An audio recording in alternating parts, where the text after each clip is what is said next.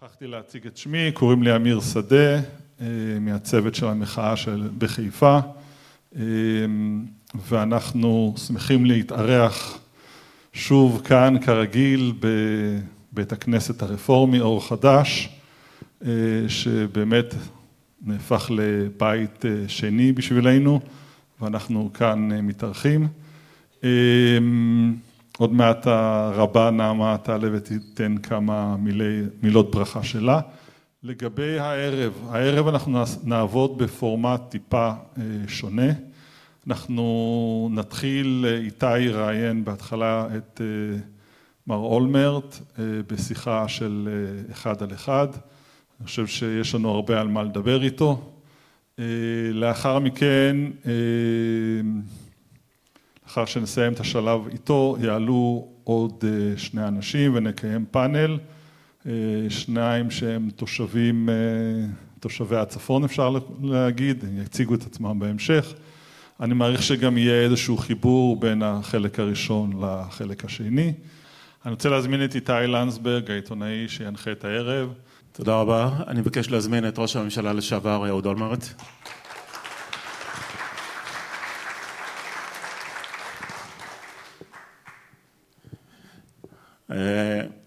אתם כבר מכירים אותי אז אני לא צריך להציג את עצמי, אני רק רוצה להגיד איזה מילה אחת לגבי האירוע הקודם שהיינו כאן עם דן חלוץ ורם בן ברק, כיוון שהיו על זה הרבה אפקטים אחרי זה ברשת ותגובות קשות של אנשים בערוץ 14. אנחנו נמצאים בקהילה הזאת ואנחנו עושים ראיון עיתונאי לגמרי ומי שרוצה לבקר את האירוע צריך להתייחס לנושאים עצמם ולדעות שמועלות פה ולא לאנשים או לדברים שלא היו ולא נבראו. זה אומר את זה בתור הערה כי האירוע מוקלט ומשודר אחרי זה. ערב טוב אולמרט. ערב טוב. אני מוכרח להתחיל עם הדבר שמטריד כרגע גם את משפחות החטופים ואני חושב כל אזרח בישראל וזה מטרות המלחמה. עכשיו אני אשאל אותך כי אי אפשר שלא לקפוץ אחורה ל-2006 שהתחילה מלחמה עם חטיפה של שני חיילים בגבול הצפון ואומנם אירוע בסדר גודל אחר ממה שקרה פה עם החטופים שלנו ועם המלחמה הזאת אבל בכל זאת הגדרת אז את מטרות המלחמה להחזיר את החיילים וכמובן לפגוע קשות ולהרחיק את חיזבאללה מהגבול.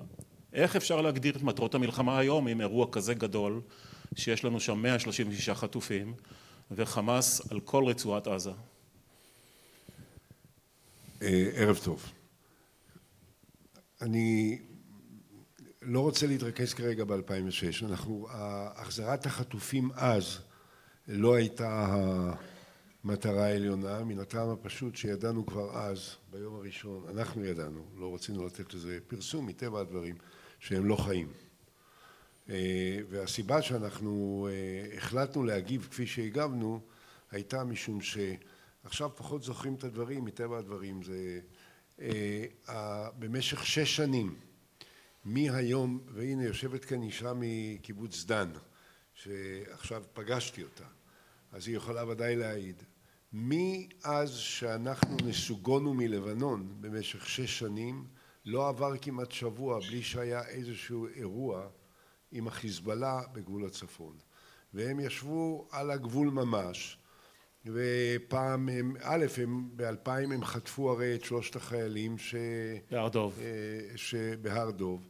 ובמשך כל השש שנים האלה הם מדי פעם היו כמעט כל יום שישי היו מטחי רקטות והיו ניסיונות חדירה והיו ניסיונות חטיפה בכל הגזרה ולכן אנחנו נערכנו לכל העניין הזה הרבה לפני שזה קרה בין מאז שאני לפחות הפכתי להיות ראש ממשלה בינואר 2006 עד יולי 2006 שבו היום שבו פרצה המלחמה קיימנו יותר דיונים על נושא לבנון ממה שקוימו בין 2000 ל-2006. זאת אומרת מטרות המלחמה ב-2006 היו מוגדרות עוד לפני. היו מוגדרות מראש ובישיבה שבה החלטנו באופן פורמלי לאשר את זה בישיבת הממשלה ב-12 לחודש אמרנו בדיוק אמרנו בדיוק מה היו מטרות המלחמה ולא דיברנו במונחים של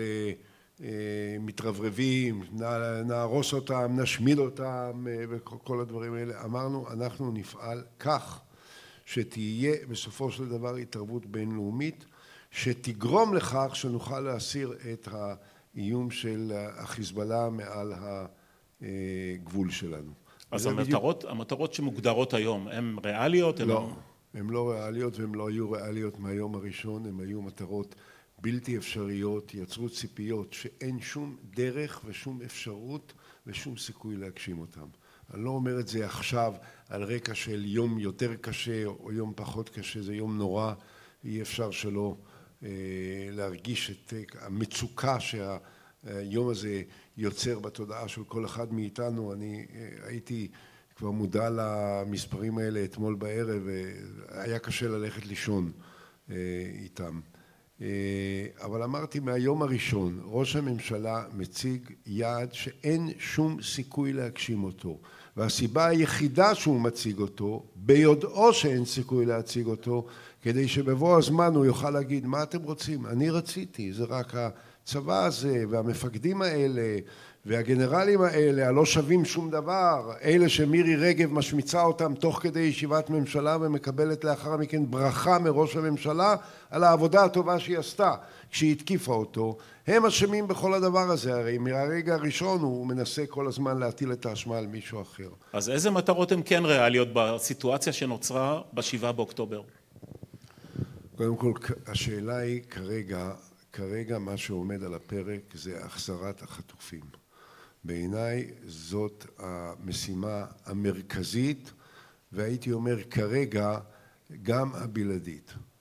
אני צריך, צריך להבין משהו. תראו, אני הוא זה שסירב לעשות את העסקה עם החמאס על גלעד שליט. יכולתי במחיר הרבה יותר נמוך מהמחיר ששולם בפועל לזכות בריקודים ברחובות ושהרימו אותי על הכתפיים אז וסירבתי לעשות את זה כי חשבתי שזה בלתי מתקבל על הדעת וזה הודעה בתבוסה שמדינת ישראל לא יכולה להרשות לעצמה. פה המצב הוא שונה לחלוטין. שמה זה היה בלתי מתקבל על הדעת. אני אומר דבר שהוא לא דבר פשוט. ההסכם שלנו, או המהות... רגע, רק נגיד לקהל, העסקה על שליט נגמרה בסופו של דבר עם החזרה של 1,027 מחבלים בהם יחיא סנוואר. העסקה שאתה דחית, אני מבין, היו בהם סדר גודל של 450 לא, מחבלים. היו, היו, היה דובר על 324 בלי שהיה אחד עם דם על הידיים. אוקיי. בלי שהיה אחד עם דם על הידיים.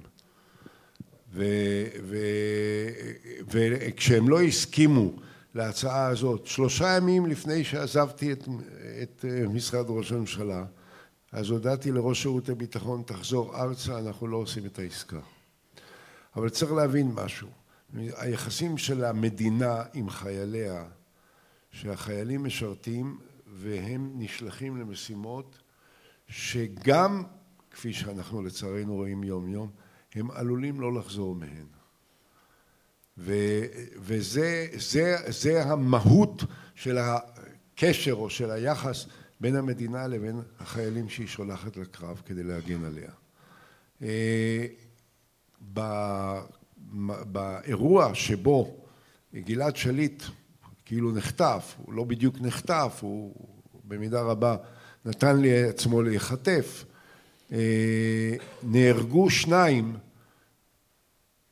פאבל סלוצקר וסגן כן. קרן, שקפצו מהטנק להילחם ונהרגו.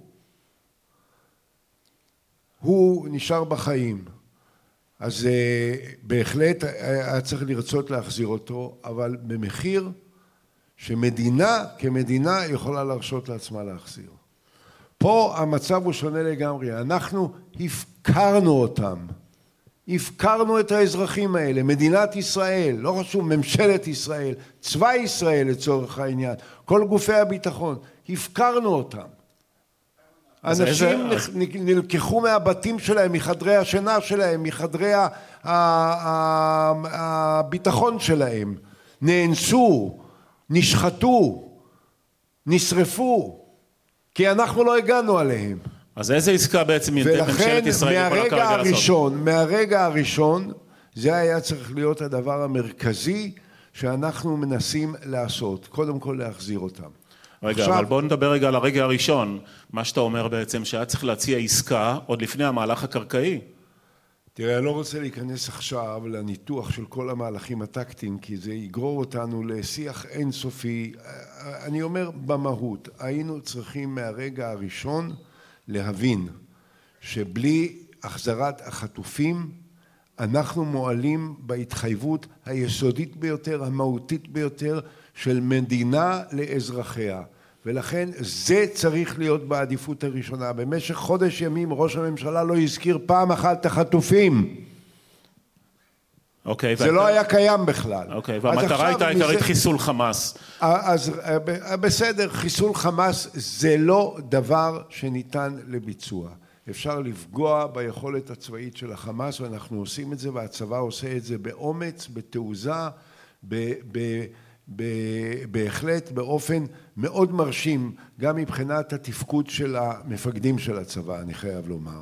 אני מלא התפעלות כשאני רואה את הפנים המיוסרות של הרצי הלוי ואת קור הרוח שבו הוא מתנהל, והוא יודע, תאמינו לי שהוא יודע, שכשזה ייגמר, הוא הראשון שישלם את המחיר, והוא יעשה את זה בגב זקוף ובראש מורם ובהרגשה של אחריות אדירה ואשמה חמורה.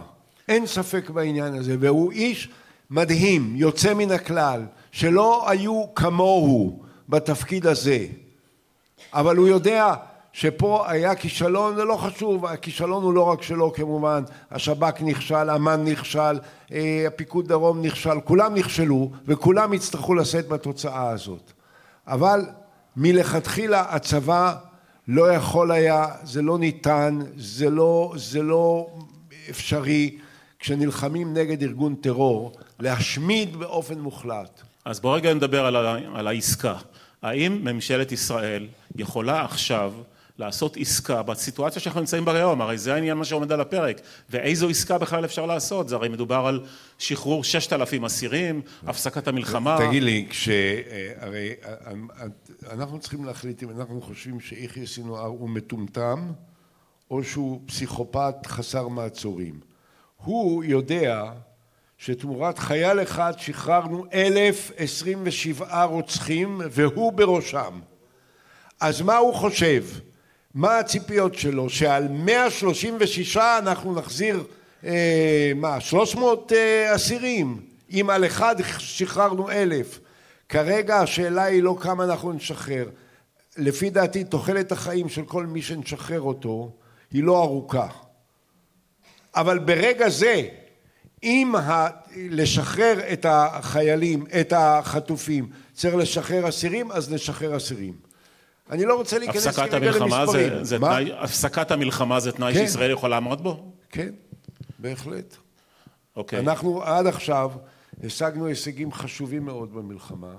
בואו שלא תהיה אי הבנה. אמרתי לחסל אי אפשר, לפגוע פגיעה אנושה ביכולת הצבאית של החמאס, כבר פגענו. בכל זאת העובדה היא שכבר שלושה שבועות אין כמעט אה, רקטה אחת. זה לא מקרה, זה תוצאה של העובדה שפגענו בבונקרים שלהם, פגענו במנהרות שלהם, פגענו אה, במשטחי השיגור שלהם, פגענו בחימוש שלהם, והם, כל זה פגע באופן דרמטי ביכולת הלחימה של החמאס. אז יכול להיות שתישאר לו יכולת שיורית. כרגע, אם המחיר שאנחנו צריכים לשלם זה להפסיק את הלחימה ולפנות את השטח כדי לאפשר לכוח בינלאומי להיכנס לשם במקומנו, זה מה שאנחנו צריכים לעשות. יבוא היום, עזה לא בורחת ואנחנו לא בורחים, ויבוא היום שבו נצטרך להשלים את המלאכה. כשיגיע היום הזה, אנחנו נעשה את הדברים האלה. כרגע אנחנו צריכים להפסיק ולה... ב... עם כל הכאב שכרוך וההשפלה שכרוכה. השפלה מבחינת הצבא וה- והאמ"ן וכל השפלה המערכות האלה. מבחינת הממשלה והמדינה. כן, כן, כן. אני אומר את זה, אני לא אוהב, אני לא מדבר במילים מכובסות. אני אוהב להגיד את הדברים בדיוק כפי שהם. כן, כן, אין ברירה. האלטרנטיבה לזה היא 133 ארונות, גם לא יהיו ארונות. אז אני מוכרח לשאול אותך, הממשלה הנוכחית בהרכב שלה, ממשלת חירום, אחדות, מסוגלת לקבל החלטה לא, כזאת? לא. למה בעצם? משום שזאת ממשלה של מופקרים וממשלה מופקרת וממשלה של פרחחים וממשלה של משיחיסטים וממשלה שצריך להעיף אותה הרגע. אין שנייה שבה זה לא חיוני לעשות את זה. אלמוג, אבל בוא, בוא נהיה רגע ריאליסטים, אה, הדברים הקשים על הממשלה הם אה, ברורים, אבל בוא נהיה רגע ריאליסטים. יש כאן קואליציה של 64 והממשלה הזאת צירפה את אה, המחנה הממלכתי. זה לא מצב פוליטי שהממשלה הזאת יכולה מחר להתחלף. תראה, אני ראיתי ממשלות של 70 ו-80 שמתפרקות ונופלות. המספר 64 לא, לא מבהיל אותי והוא לא מספר שלא ניתן להתגבר עליו.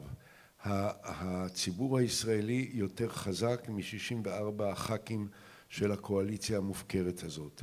ובסופו של דבר, בדרך כזו או אחרת, כל מה שהיה, תראו, אני אגיד את זה ככה, ואני מטבע הדברים מעדיף לא להיכנס לכל הפרטים של מה שעולה בדעתי. אני אומר לכם ככה, כשהלבה פורצת מלוא ההר הגעש, היא בדרך כלל, היא פורצת באופן מפתיע. זה לא דבר שמתכוננים אליו. אני אומר לכם כמעט מניסיון אישי, דרך אגב. אני הייתי עם משפחתי בחופשה באיטליה, בסיציליה, בין הראשון לשביעי, בין הראשון לשביעי לאוקטובר. חזרנו בשביעי לאוקטובר, בנס, המטוס היחידי שטס והגיע לארץ באותו בוקר, זה היה המטוס שטסנו בו. היינו על, בפסגת הר האתנה. שלושה ימים לפני כן, הייתי עם הילדים שלי והנכדים שלי וכולי. שבועיים אחרי זה הלבה של הר האתנה פרצה. כשהיא פורצת שום דבר לא עומד בדרכה. כשהלבה תפרוץ פה שום דבר, לא קרעי ולא אמסלם ולא בן גביר ולא סמוטריץ' לא יעמדו בדרכה, היא תשטוף אותם ותעיף אותם לשולי ההיסטוריה, okay. אוקיי. למקום שהיא צריכה בוא להיות. נ, בוא, נעבור, בוא נעבור עם הדברים האלה לגבול הצפון. מלחמת לבנון שנייה הסתלמה בהחלטה 1701. עם מי בעצם בלבנון נחתם ההסכם הזה? מי בעצם היה אמור להיות אחראי לממש אותו בלבנון? קודם כל, יש לי חדשות בשבילך, גם את זה שוכחים. חלק, זה נורא מרתק לראות את התהליכים. אני אזכיר לכם שכשהסתיימה מלחמת לבנון, אני פחות או יותר נחשבתי לבוגד, כי הפקרנו ואיזה מין החלטה קיבלנו וכולי וכולי. אחרי זה התברר שזאת החלטה לא כל כך רעה. עכשיו ממשלת החורבן רוצה את החלטה 1701 שאז ביבי נתניהו ארגן ומימן את המפגינים שיפגינו נגדי בגלל שהפקרתי את המדינה. אז, אז קודם כל כך, החלטה 1701 נוסחה בשני שלבים. בשלב הראשון ניסחו אותה ראש הסגל של יורם טורבוביץ' ועוזר שר החוץ האמריקאי אה, של אה, מי שהייתה אז שרת החוץ קונדוליסה רייס. בלילה שבו ההחלטה נתקבלה, לאחר כל מיני ויכוחים וכולי, קונדוליסה רייס ואני ניסחנו את ההחלטה הזאת מילה מילה, פסיק פסיק, נקודה נקודה, מהסעיף הראשון עד לסעיף האחרון. ההחלטה הזאת הובאה באותו ערב למועצת הביטחון של האו"ם ואושרה פה אחד, כולל המדינות הערביות. ויושמה. בין היתר הייתה שם החלטה להקים כוח בינלאומי והוקם כוח בינלאומי. במשך שנים החיזבאללה לא היו על הגדר. הנה אחד שגרה ליד הגדר בקיבוץ דן. הם שנים לא היו על הגדר, הם היו מעבר לליטני 40 קילומטר. עד שהגיע מר ביטחון, גדול העצה והעליליה, זה שהורס באגרופיו את החמאס וכדרך אגב מעיף את החיזבאללה, והוא התחיל לתת להם לזלוג פנימה מה זאת אומרת התחיל לתת להם? הרי הזליגה של, של אה, חיזבאללה לגבול הצפון הייתה התבססות איראנית, היה הקמה של בסיסי טילים, הדברים האלה היו בזליגה, זה לא... מי, מי, נכון, דל... מי הכוח הלבנוני שהיה אמור לפקח על זה? אנחנו היינו צריכים לפקח על זה. אני יכול להגיד לכם כאן... זאת אומרת, ישראל הייתה צריכה להתערב ברגע שהיא ראתה את זה. במידה ו... תראי, כשאני הייתי ראש ממשלה, אני הייתי עד הראשון לאפריל 2009. במהלך הזמן שמ-11 לאוגוסט, שבו התקבלה ההחלטה על 1701 ועד הראשון לאפריל, החיזבאללה ניסו להפר את ההסכם הזה. בין היתר, אחד מהסעיפים של ההסכם דיבר על כך שהם לא יעבירו חימוש ואמצעי לחימה לתוך לבנון. והם ניסו. ואז קרו כל פעם כל מיני מקרים כאלה מסתוריים ששיירות נשק שהיו עוברים מפרס דרך טורקיה לסוריה ביבשה בשיירות של משאיות ומכוונות ללבנון היו מתפוצצות בדרך. אוקיי, אז זה לא קרה, זה לא קרה במקרה, וכשהיה צורך הם היו, האמצעים שהביאו לתוך לבנון היו מתפוצצים בלבנון, כי אנחנו כמובן לא הסרנו את עינינו, זה שהייתה החלטה, הייתה החלטה, הרי לא חשבנו ש... ש... איך קוראים לו? שנסראללה הפך להיות חבר הליכוד או חבר קדימה או חבר בתנועה הציונית. אנחנו ידענו שהוא מנוול שהוא שונא יהודים, שהוא פוטנציאלית רוצח יהודים וצריך כל הזמן להקפיד. מה שקרה בעצם אחרי שאני כבר לא הייתי כשהיה נתניהו מה שבעצם הייתה נקודת המפנה ששינתה את הייתי אומר את ההיסטוריה שלנו זה היה ההסכם לשחרור שליט. כשהשכנים שלנו 2011 אוקטובר 11 ואוקטובר 2011 בדיוק בסוכות אם אתם זוכרים. זאת אומרת אתה אומר שההסכם עם שליט השפיע על, על מה שקורה בחיזבאללה? בוודאי הם הבינו שמדובר כאן בקשקשן ורברבן חלש סמרטוט שמוכן למכור את הכל כדי לצבור פופולריות. הרי מה היה אז לחץ דווקא באותה תקופה. היו אז הרי ההפגנות של המחאה, של המיליון אנשים ברחובות וכולי, וראש הממשלה היה במצוקה אדירה והוא היה נזקק למשהו והם בנו מומנטום כזה שהביא ל... אנשים רקדו ברחובות אז ששחררו את יחיא סינואר. זה שוכחים, אנשים רקדו ברחובות והרימו את ביבי על הכתפיים ועל הידיים. אבל מה שחיזבאללה ראו ומה שחמאס ראו שזה אדם שלא עומד בפני שום לחץ ושב... ולכן הם התחילו לאט לאט לשנות את המציאות שהייתה בשטח בלבנון ולהתקדם לכיוון, ה... לכיוון הגבול. ועדיין לא העזו לראות. עד השביעי לאוגוסט לא עד השביעי לאוקטובר היו איזה שניים שלושה מקרים שהיו ירי ספורדי מאוד זהיר לא למטרות אזרחיות. במשך 17 שנים היה שקט גמור. וה... והצפון שלנו שגשג והצימרים פרחו. בכל מקום. אתה מקבל את ההנחה הזאת שבעצם נרקמה מה שנקרא במהלך השנה האחרונה שבעצם חמאס מזהה חולשה של החברה הישראלית לאור ההפיכה המשטרית ובעצם ניצל הזדמנות כדי לתקוף בשביעי באוקטובר. אתה מקבל את הקשר הזה בין, בין הרפורמה המשפטית לא, לבין ההתקפה לא, של השביעי לא, באוקטובר? הוא לא, הוא לא זיהה חולשה בחברה הישראלית ואם הוא חשב שיש חולשה בחברה הישראלית אז הוא טעה ונדמה לי שמה שקרה החל מהשביעי לאוקטובר זה הייתי אומר מופת של התגייסות של החברה האזרחית בעוצמות בהתלהבות, בתחושת סולידריות שלא הייתה כמוה אולי מאז הקמת המדינה. ולכן לפי דעתי גם אם הוא פירש את העניין כחולשה הוא את ה... אני, אני חושב, אני חושב, אבל אני אגיד לכם את האמת. אני כל יום אני רואה את הפאנלים של הפרשנים. אומרים לא אתם לא, יחיא סינואר התכוון לזה ויחיא סינואר התכוון לזה. מאיפה אתם יודעים? מישהו דיבר איתו? אתם דיברתם איתו, אתם יודעים מה הוא חושב, אתם יודעים מה הוא אומר, אז אני רוצה להיות זהיר. אני לא יודע מה הוא חושב, ואני לא יודע מה הוא אומר. אני נוטה להעריך, על סמך ניסיוני רב השנים בחיים הפוליטיים והמדיניים, שהאפשרות של יצירת ציר חדש, אנטי איראני, של, של האמירויות, ערב הסעודית, מצרים, ירדן וישראל בנוסף לאיזושהי צעד כלפי הרשות הפלסטינית התפרש על ידי החמאס כאיום על האינטרסים שלו. הוא מאוד לא היה רוצה שייווצר הציר הזה. עכשיו, ייתכן מאוד שאלמלא כן הוא היה עושה את זה באיזשהו שלב אה, אחר, מתי שהוא הרגיש שאנחנו מספיק רדומים כדי לא להיערך לאפשרות של התקפה כזאת. אבל ייתכן מאוד שאז האפשרות שהצטיירה ליצירת ציר כזה, שזה ציר אנטי איראני מובהק, אנטי איראני, אנטי איראני פלוס רוסיה, אנטי איראני פלוס רוסיה ואולי פלוס סין, בכך שיוצרים איזושהי אה, מעטפת חדשה של, אה, של מחויבות אמריקאית לסעודיה, עם ברית הגנה של אמריקה עם סעודיה, עם נורמליזציה של סעודיה עם ישראל, עם חיזוק הקשר עם מצרים ועם ירדן ועם האמירויות ועם בחריין ואולי אחרי זה עם סודאן ואולי אחרי זה עם מדינות צפון אפריקאיות נוספות.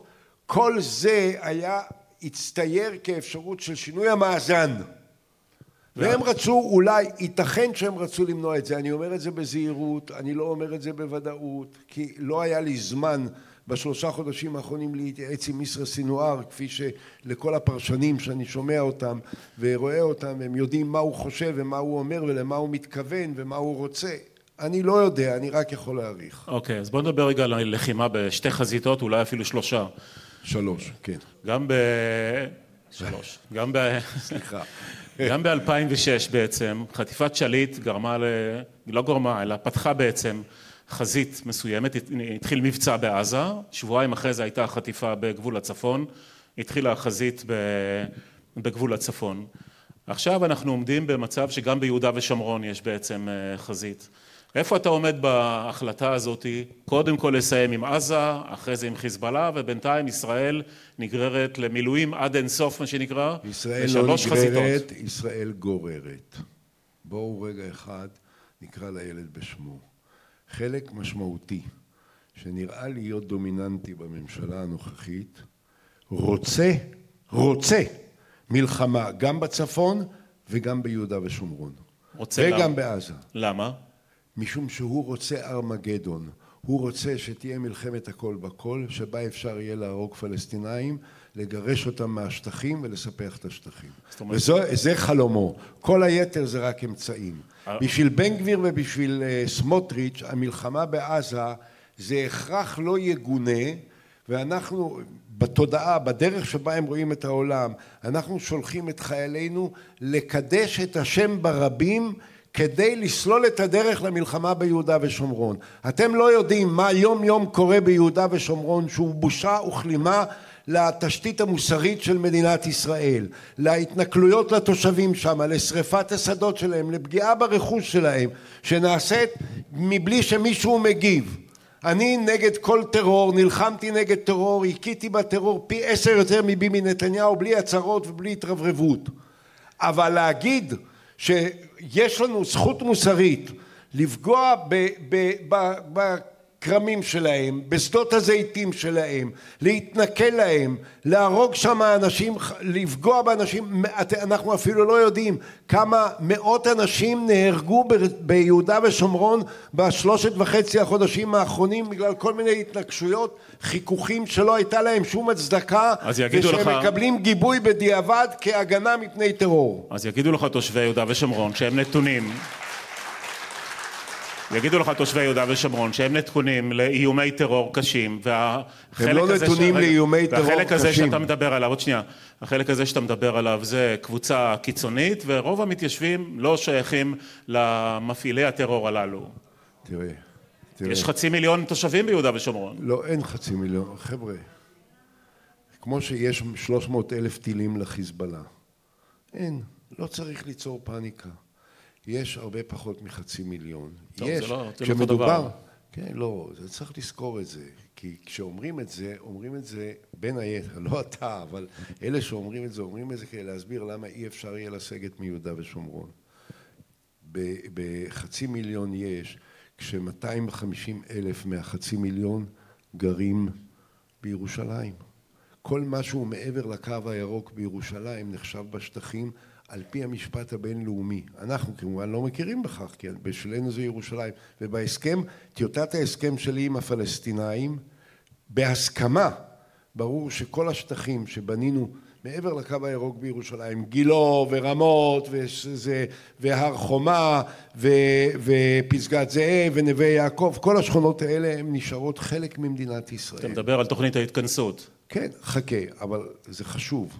סליחה שאני מעסיק אתכם בסיפורים שלי. לא, אני אבל רק רוצה. שתסתייג אה, מההשוואה אה, של 300 אלף טילים. לא, רק רגע. ומתיישבים בשומרון, זה לא אותו דבר, זה... מה, זה? אני אומר שאי אפשר להשוות טילים בלבנון למתיישבים בשומרון. זה לא כלי נשק, לא מתיישבים לא. בשומרון.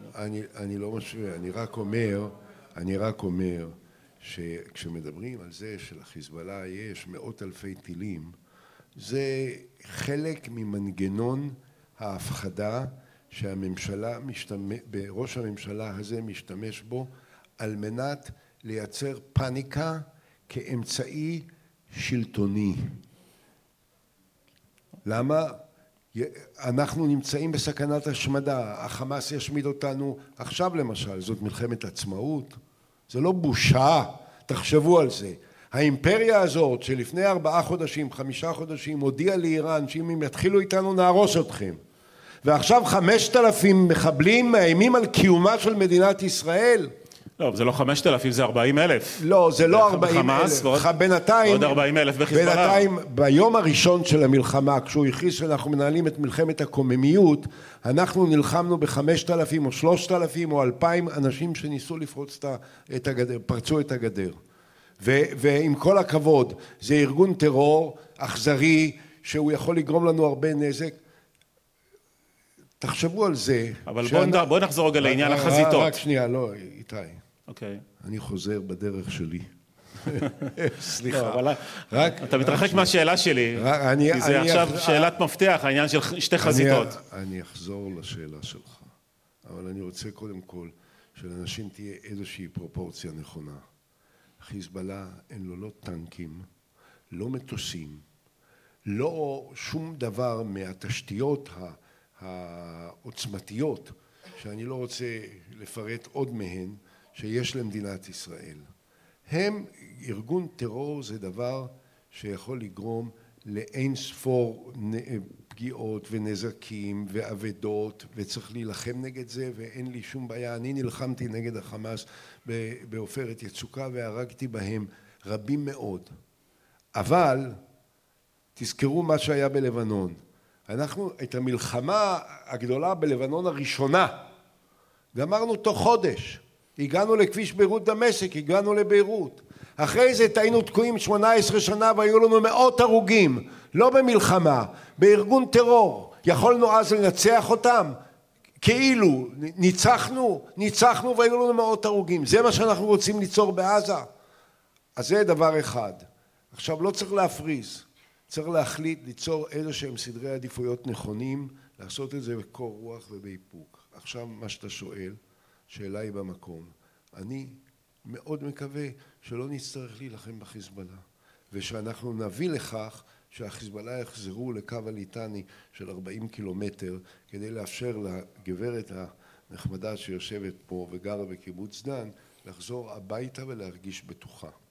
והדבר הזה, יש לי גם, אני חושב שאני יודע איך צריך לעשות את זה מבחינה מדינית, אני לא רוצה לפרט כאן, יכול להיות שיש גם דרך לעשות את זה מבחינה מדינית. עוד פעם, אני רוצה להזכיר לכם. אז אני רוצה רק לדייק אותך בעניין החזיתות. אתה אומר לגמור עם עזה ולהיזהר מחזית שנייה בצפון. אני מדייק? אין צורך בזה. תראה, אם חס וחלילה היה נגזר עלינו, בניגוד לרצוננו, בניגוד ליוזמתנו, בניגוד לפעולה אה, שלנו, היה נגזר עלינו להילחם בשתי חזיתות, יש לנו את הכוח ואת היכולת. אבל תראה, האם, מה, תראה מה קורה בינתיים. אבל אין לנו לא אינטרס ולא צורך. אבל תראה מה קורה בינתיים, זה לא קרה בתקופת מלחמת לבנון השנייה. גבול הצפון, שאנחנו יושבים לא רחוק ממנו, לא, ננטש אני... בטווח של ארבעה שבעה קילומטר, ובעצם יש רצועת ביטחון של חיזבאללה בתוך שטח ישראל. אני... כמה זמן אפשר למשוך את זה? אני יודע. אני אמרתי שיש לי, אני חושב, דרך איך אפשר היה במהלך מדיני לגרום לכך שהם יחזרו ל-40 הקילומטר שמעבר לנהר הליטני על מנת שתיווצר מחדש, לא, שייווצר גם ביטחון וגם תחושת ביטחון לאנשים שגרים ליד הגבול. יש דרך לעשות את זה, אני לא יודע אם אני, כפי שאתה יכול לתאר לעצמך, אני לא נמצא במגעים קבועים וגם לא מזדמנים עם הממשלה ועם ראשיה, אז אני מקווה שהם יגיעו, שבסוף לא הם יגיעו לזה, שידידי ישראל שרוצים בטובתה יצליחו להתגבר על ממשלת הרשע הזאת ולהכריח אותה לעשות את מה שטוב למדינת ישראל וזה לא מה שהיא רוצה. עכשיו אני אמרתי, יש בתוך הממשלה גורמים רבים שרוצים מלחמה בשלוש חזיתות, בעת ובעונה אחת, משום שהחלום ההזוי שלהם שמנחה אותם ודוחף אותם זה להגיע להגשמת הייעוד שלנו, לגרש את הערבים מפה ואם אפשר גם את ערביי ישראל דרך אגב באותה הזדמנות אם יהיה צורך על פי תפיסתו של בן גביר ולשלוט בכל השטחים ולספח אותם למדינת ישראל גם בין היתר בהזדמנות לעשות התנחלויות חדשות ברצועת עזה על מנת שהילדים של דניאלה וייס יוכלו ללכת איתה ברחוב הראשי בעזה בגאווה שהם הגיעו לנחלת אבות. בוא נחזור רגע. אז זה לא החלום שלי, מה לעשות? אני רוצה להחזיר אותך רגע ללשכת ראש הממשלה כן. בערב הזה מה שנקרא. בוא תראה, יש סיכונים שלא כדאי לך לקחת. לא, אני... תגיד את זה עוד לא, פעם, תאמיני לי יאיימו על חייך. זה בשאלות האלה. אוקיי, אז אני חוזר לשאלה של כן. רצועת ביטחון. הרי מה קורה עכשיו?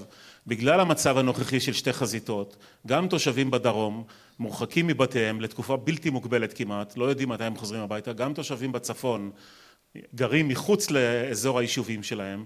אני חושב שהשיקול הזה לא היה אצלכם בלבנון השנייה להוציא תושבים מהיישובים, למרות שפה אמר לי מישהו שגר בחיפה והוא התפנה, אבל מה ממשלת ישראל יכולה עכשיו לעשות כדי לתת להם איזשהו אופק ולוח זמנים? תראה, קודם כל, אל תבקש ממני לתת אה, את. הפתרונות של ממשלת ישראל, כי זאת ממשלה שלא רוצה פתרונות. זאת ממשלה שלא רוצה פתרונות. אתה שואל שאלה שיש בו תרתי דה סתרי, זה, זה לא מסתדר עם המציאות, הם לא רוצים פתרונות. אמרתי, אני חושב, אגב, במלחמת לבנון השנייה היה פינוי של כמה אלפי תושבים לתקופה קצרה מהבתים שלהם. חשוב לי להזכיר, זאת מלחמה שאני אמרתי הרי שמיד שהיא הסתיימה רצו להרוג אותי כי אמרו איפה הניצחון, איפה הדגלים הלבנים. אחרי זה היו 17 שנים של שקט. אחד הדברים שעשינו, אחרי שבוע, פחות משבוע ימים שהתחילה המלחמה, אז לא היו ממ"דים. מה לעשות, ברוב המקרים לא היו ממ"דים, מה לעשות שאני רק חודשיים לפני כן נעשיתי ראש ממשלה, לא הספקתי לבנות את הממ"דים שלא בנו שנים קודם לכן. בכל זאת, בכל זאת, היו מקלטים מצוידים עם שירותים אה, צמודים בכל המקומות בצפון והיו, אה, והיו אה, היו טלוויזיות צבעוניות בכל ה... טוב, אני מוכרח לערער על האמירה הזאת כי אני בכובעי במבט שני עשיתי אז די הרבה כתבות על המצב האזרחי, המצב האזרחי והוא לא היה מדויק וגם אה, בצפת וגם בנהריה הבית חולים מתחת לקרקע עוד לא היה וגם בצפת היו בעיות קשות של מלח אה, זה לא היה תמונה כזאת ורודה. אתה מרשה לי? כן, ודאי. כן, טוב. לא כל הדברים שעשיתם לא אה, נסחפו בלהט הצורך להציג את המציאות באופן שונה מכפי שהיא הייתה. את הכתבות שהיית עושה היום על מלחמת לבנון השנייה לא עשית לפני 17 שנה. אבל היום היית עושה אחרת ושופט את המלחמה הזאת אחרת כי במשך השנים למדת שחלק מההתרשמויות הראשוניות היו גם מופרזות, גם היסטריות, גם הושפעו מהלך רוח שניסו ליצור אותו. מה שאני אומר זה מדויק. זה נכון שבימים הראשונים, שהכל התחיל, הרי לא הייתה הכנה, נכון, גם בית חולים בנהריה, מה לעשות שמאז שהממשלה שלי הושבעה במאי ועד יולי היה לי קשה לבנות בית חולים תת-קרקעי בנהריה. זה לוקח קצת יותר זמן. אני גרמתי לכך שיש היום בחיפה בית חולים תת-קרקעי של למעלה מאלף מיטות ברמב"ם, זו החלטה שלי. גם בנהריה בית החולים כל מה שיש צורך היום למקרה של מלחמה זה נבנה כתוצאה מההחלטות שלי שאי אפשר היה להגשים אותם במשך חודשיים. בזמן המלחמה דאגנו למקלטים, דאגנו לציוד. עכשיו היה אחד בשם גיידמק שלקח כמה אלפי אנשים ועשה להם אוהלים בדרום ולאחר מכן התברר שזה הפך להיות מוקד למסיבות, כל מיני מסיבות מוזרות עם כל מיני סממנים שעושים את האנשים יותר מדי שמחים ואז החליטו לפרק את זה ואנשים חזרו לבתיהם. אז היו כמה שבועות שהם היו יותר קשים. דרך אגב שום אזרח במדינת ישראל בצפון בתקופת מלחמת לבנון השנייה לא נהרג כשהוא היה במקלטים. אנשים נהרגו רק כשהם נפגעו כשהם היו ברחוב או כשהם לא נשמעו להוראות פיקוד העורף או איך שזה אז היה, אני לא יודע איזה צבע זה היה אז, אם זה היה צבע אדום או צבע ירוק או נחש צפע או משהו אחר. אבל זה באמת ויכוח שולי כרגע. נחזור לעניין העיקרי. אם ממשלת ישראל תפסיק להתרברב, תפסיק לאיים יום יום נשמיד אותם, נהרוס אותם וכולי וכולי, תהיה מוכנה להבין שמהתבוסה שאיתה התחלנו אי אפשר להביא להרס טוטאלי של הצד השני כי זה לא יקרה ותתנהל בצורה יותר מפוקחת ויותר אחראית, לפי דעתי ייתכן, אני אומר בזהירות, ייתכן שאפשר יהיה להגיע להסדר שיחזיר את החיזבאללה חזרה לגבול של נער הליטני שזה 40 קילומטר מהזהו ושאז זה פחות מ-40 קילומטר. מה? הליטני זה פחות מ-40 קילומטר. מעבר לגבול, לקו ה-40 הקילומטר כפי שהיה לאחר מלחמת לבנון השנייה ואז בעיות הביטחון או רצועת הביטחון של תושבי הצפון תיפטר. זה דבר שהוא לא בלתי אפשרי ממה שאני מזהה גם היום ואנחנו לא תמיד מפרטים את זה. החיזבאללה לא, אם הם היו רוצים לפתוח במלחמה כוללת כבר היו להם מספיק סיבות. ככל שאני יכול להבין גם על סמך מה שאני יודע וגם על סמך מה שפה ושם אומרים לי מרבית המטחים שהם יורים מכוונים למטרות שאו הן צבאיות מובהקות או הן יכולות להיות מזוהות כמטרות בעלת ערך צבאי. אם, אם למשל הם יורים על בית פרטי, תבדוק, תראה שעל הבית הפרטי הזה יש מצלמות של uh, המערכת הביטחונית שלנו והם רואים בזה איזשהו סממן צבאי ושם הם יורים. הם לא ירו עד עכשיו למקומות שיכלו להדליק את המלחמה הזאת למלחמה כוללת. מה אתה אומר בעצם שחיזבאללה עדיין מורתע ממלחמת לבנון השנייה? בזה אין ספק, אחרת בוודאי שהם היו פותחים במלחמה כוללת. אני עדיין חושב שנסראללה זוכר את מה שהוא אמר אחרי מלחמת לבנון השנייה. אתה תזכיר לי, מה הוא אמר? הוא אמר שאם הוא היה יודע מראש הוא לא היה פותח. או אם הוא היה יודע על אחוז אחד מראש הוא לא היה פותח. אבל רגע, אבל התיאוריה אומרת שבעצם בתור פרוקסיס של איראן נסראללה יצא במלחמת לבנון השנייה לצעד שאיראן לא התכוונה אליו בכלל. okay. ולכן איראן עד היום שומרת את האופציה הזאת לשמור את נסראללה יכול להיות אבל גם עכשיו גם עכשיו היא לא ערוכה להתנגשות כזאת. וזה רק מחזק את הטיעון שלי שלכן בהינתן שיגיעו לאיזה שהם הבנות שאני אומר אני יודע מה אני חושב שהן צריכות להיות אבל אני לא רוצה ל, ל, כרגע לחשוף את מה שאני חושב, את מה שאני חושב שאני יודע, שאפשר היה להגיע שהם מבחינתם ידחו את העניין הזה ויחזרו חזרה לאותו מקום שבו תינתן ליישובי הצפון שלנו אותה רצועת ביטחון שהיא חיונית לחיי היומיום שלהם ללא חשש מפני ירי תלול מסלול, שזה הדבר שמפחיד אותם. הירי של רקטות זה כבר מלחמה כוללת, זה סיפור אחר. הבעיה שלהם אני זוכר, אני ראיתי את זה. אני אז, בשלב הראשון של מלחמת לבנון השנייה, ההוראה שלי לפיקוד צפון, זה בסדר, אל תדאג, אל תדאג. ההוראה שלי לפיקוד צפון הייתה שייצרו רצועה של שניים וחצי שלושה קילומטר מהגבול, מדוע? כי אמרתי זה המרחב הרצועה, רוחב הרצועה המינימלי הנדרש כדי למנוע איום מיידי של נשק תלול מסלול שלא מדובר על אה, רקטות או על טילים או על דברים כאלה. לפי דעתי הדבר הזה הוא לא בלתי אפשרי, אין צורך למהר עם מלחמה בשתי חזיתות. Okay. אם אוקיי. נאלץ לעשות אותה, יש לנו את היכולת, יש לנו את הכוח, יש לנו את האמצעים. אני רוצה... אבל ל... אין צורך. ורק עוד דבר, בהבדל, מ... בהבדל מרצועת עזה, לבנון היא מדינה עם אוכלוסייה גדולה שהיא, גדולה באופן יחסי, שהיא לא שיעית ולא, והיא לא חלק, מה... לא פרוקסים של איראן. והצורך של אה, נסראללה למצוא את האיזון הנכון, במיוחד אחרי מה שהיה אז, אנחנו אז הרסנו את הדאחייה, שיטחנו את כל מרכז ביירות שהיה ה headquarters, הבסיס של העוצמה, של הכוח של האוכלוסייה של החיזבאללה וזה דבר שהם לא יכלו להתאושש ממנו שנים והם פוחדים פחד מוות שזה יקרה להם עכשיו עוד פעם. אני רוצה לסיים... וזה הם לא רוצים שיקרה להם כדי לעזור ליחיא סינואר. אני רוצה לחזור אה, לחברה הישראלית לסיום, יש לנו עוד שתיים שלוש דקות. החברה הישראלית ספגה עכשיו 1,400 אה, אזרחים וחיילים באירוע של השבעה באוקטובר ועוד אה, למעלה מ-160 חיילים. אנחנו כבר יותר מזה. כן, למעלה מ-160 חיילים.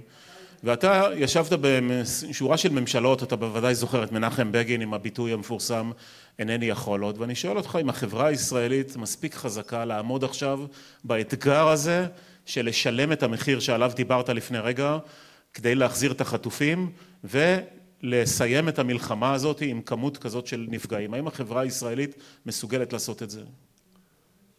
תראה, האלטרנטיבה למספר הנפגעים הנוכחי הוא מספר כפול. אז אה, אם יש לחברה הישראלית קושי לשאת במספר החללים הנוכחי, יהיה לה עוד יותר קשה לשאת במספר החללים שיהיו עוד חודשיים. אם זה קנה המידה. קנה המידה היחידי הוא לא רק זה. קנה המידה היחידי הוא המשמעות, היעד והמחיר. אם המחיר הוא לא עוד 200 חיילים, הוא 136 אזרחים בני 80, בני שנה, שאנחנו הפקרנו אותם שאנחנו נתנו למרצחים האלה להגיע אליהם לחדרי השינה שלהם ולחדרי הביטחון שלהם ולרצוח אותם ולשסף את גרונם ולאנוס אותם אם אנחנו לא נגרום לכך שאנחנו נעשה את הכל גם במחיר של איבוד יוקרה וגם במחיר של אי נוחות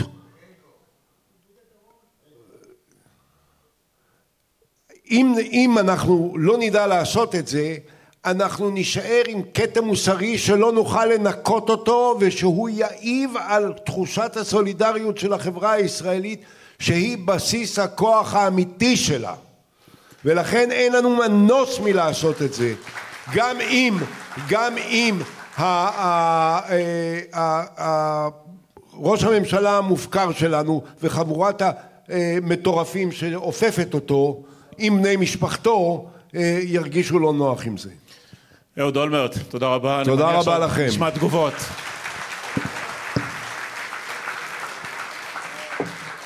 ואני מזמין את אה, רון הוד וענבר בזק. תודה רבה.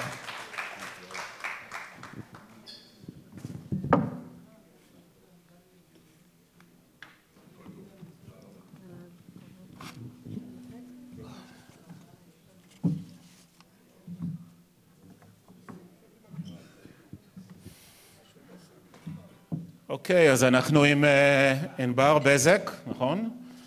בת קיבוץ דן, לשעבר חברת הכנסת ביש עתיד ומנכ"לית החברה הכלכלית של מועצה אזורית גליל עליון. ועם רון הוד, תושב קריית שמונה, לשעבר עין חרוד, שכנים. והיום אה, והיום מפונה, עין חרוד סליחה, ומפונה מקריית שמונה ופעיל חברתי.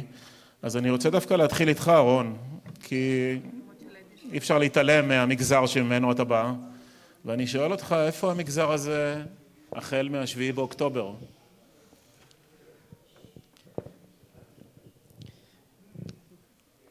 שאלה טובה. אה, צריך לדעת, קודם כל, כששואלים המגז... על המגזר, יש את השכבה הפוליטית, אגב, אני התחלתי את הדרך הפוליטית שלי בש"ס. אני הייתי מנהל מטה וגם התמודדתי במסגרת ש"ס למועצה המקומית בקריית שמונה, וגם זכיתי אפילו לקבל כאפה מהרב עובדיה, אדם קוריוז.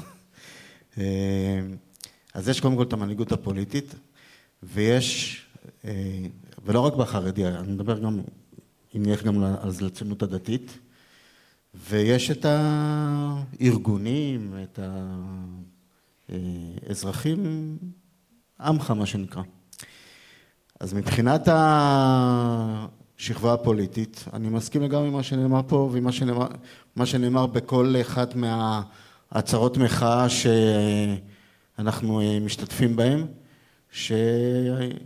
שהמפלגות האלה צריכות, צריך להעביר אותן מהעולם, צריך להרחיק אותם מהשלטון. את המפלגות החרדיות. את המפלגות החרדיות. אבל מי יעשה את זה? אם אתה אומר שהעמך מציית, העמך מציית להנהגה הפוליטית שלו, מי יעשה את זה? לא, לא אמרתי את זה, אמרתי שצריך להפריד. להפריד. כן. כי בר... זה נכון שברמה פוליטית, בסופו של דבר הולכים לפי מה שהרב אומר והולכים להצביע, אבל ברמה של העשייה, איפה האנשים נמצאים, אז אתה רואה אנשים שמפגינים סולידריות, מפגינים אכפתיות ממה שקורה, עושים התגייסות למען מטרות שונות, אנחנו מדברים על זק"א, מדברים על עוד ארגונים חברתיים שפועלים ועושים הרבה דברים. אני אישית יצא לי להקים במסגרת הפעילות שלי ארגון חסד, את הסניף של ארגון חסד שנקרא פעמונים בגליל. אוקיי, וגם ניהלתי את הסניף. אז, אבל אז תסביר הפ... לי רגע לאדם חילוני, אוקיי? מדוע כל כך קשה למרוד ברבנים? אני אומר את המילה למרוד כי זה ברור שבלי זה לא תקום הנהגה חלופית שמצטרפת לחברה הישראלית גם בצבא וגם בעבודה. למרות שהיו איזה אלפיים שלושת אלפים מתנדבים בשבעה באוקטובר, אבל עדיין אין בסיס להקמה של הנהגה חלופית למה שאתה אומר. אני אתן לך דוגמה מהקהילה שלי בבית הכנסת שאני מתפלל בו ויש בו, היא מובלת על ידי אדם חרדי מירושלים שהגיע לקריית שמונה, הוא לא עשה צבא, אבל הוא עובד היום כמשגיח כשרות בצה"ל, אוקיי? זאת, ואני אני, ביום כיפור שעבר, כשהרב הזה היה מחוץ לקהילה, אני פחות או יותר מילאתי את מקומו. התפללתי את התפילות, אמרתי דבר טובה וכן הלאה. ברגע שהתחילה המחאה וזיהו אותי עם המחאה, אפילו פרק שיר השירים לא נתנו לי להגיד בקהילה שלי. זאת אומרת, אתה מודרת. מודרתי. ככה קהילות עובדות, ככה קהילות החרדיות הדתיות עובדות, המסורתיות. כלומר, בהנחיה יש... של איזשהו רב? זה, זה מאוד, תראה, אין, פעם היה מונח, מונח, מושג שנקרא אה, רב, רב מובהק. למה? כי הקהילות היו מאוד מאוד סביב רב, כלומר הם היו התפללו אותו בבוקר, בצהריים ובערב, למדו איתו, אם הם היו צריכים שידוך הם התייעצו איתו, עשו איתו את הכל. היום זה לא קיים, היום אתה מתפלל בבוקר עם רב אחד, בצהריים עם רב שני ובערבית עם רב שלישי. שיעור תורה אתה לומד, היום אפשר גם ללמוד בזום עם רב מחוץ לארץ. אוקיי? הדברים השתנו, אין היום את המונח הזה רב מובהק. אבל עדיין יש כלל שנקרא עשה לך רב והסתלק מהספק, ויש הרבה אנשים חרדים דתיים שמחזיקים בכלל הזה. אז ענבר, אני קופץ אלייך ולא אעשה לך חיים קלים, אל תדאגי. איפה האופוזיציה? זה בערך כמו אצלם. להמשיך לדבר על הנושא של הדת, אפשר? תשמעי, לא, יש אופוזיציה בישראל, יש לה קהל גדול, נכון. ראינו אותו ברחובות, אבל עכשיו מאז תחילת המלחמה, שקט ודממה, יש קונסנזוס שהממשלה הזאת נשארת עד הסוף בעצם, למרות שניהול המלחמה הוא די לא הכי טוב שבעולם, נגיד את זה בעדינות. תרשה לי זהו, תרשה לי לדבר, תרשה לי לא לדבר בשם האופוזיציה, אני כבר לא יושבת שם, אני יושבת היום, אני מתחילת המלחמה בעבודה שלי היום במועצה של גליל עליון, אני מתעסקת במפונים, אז אני אדבר איך אני רואה את הדברים ואני לא מייצגת את האופוזיציה, בסדר? אני חושבת שלהרבה מאוד אנשים, כולל אותי, יש קושי אמיתי, אמיתי לצאת לרחובות ולהפגין בגלל, לא שאני, אני משוכנעת ומסכימה עם כל מילה שאמר פה ראש הממשלה לשעבר אולמרט, הממשלה הזאת לא צריכה לעוף מחר, היא הייתה צריכה לעוף לפני שלושה חודשים. הממשלה הזאת צריכה לעוף ומהר, אבל מה שאני שומעת בסקרים, בפרשנויות, שזה שעכשיו נצא לרחובות בזמן מלחמה, יוצר איזושהי תנועה של קולות שכבר נמאס להם מהממשלה ונמאס להם מנתניהו, יוצר איזושהי תנועה שלהם בחזרה. זאת אומרת המחאה היום לא מחזקת את הסיכוי להפיל את הממשלה, אלא להפך, היא איכשהו, זה משהו פסיכולוגי, כשהם רואים שתוקפים את המנהיג שלהם הם חוזרים הביתה. כי הסקרים הראו מיד אחרי המלחמה שאם הבחירות היו נערכות בנובמבר, אז זה היה, אני כבר לא זוכרת את המספרים, אבל הייתה קריסה טוטאלית של האופוזיציה ולאט לאט הם, הם, הם חוזרים הביתה.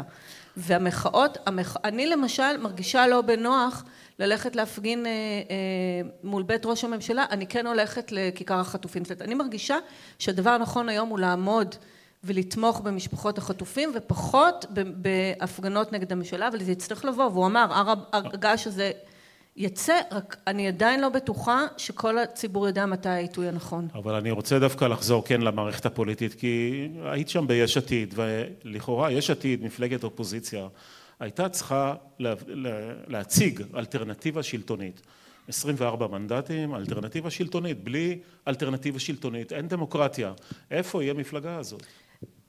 קודם כל אני חושבת שכשההצעה שלפיד הציע לביבי בהתחלה הייתה הצעה מצוינת שהוא כמובן לא יכול לקבל אותה, הוא אמר אנחנו עכשיו נכנסים, מקימים ממשלת חירום, הם ביחד עם המחנה הממלכתי, היה לו תנאי אחד, תוציא החוצה את הקיצונים.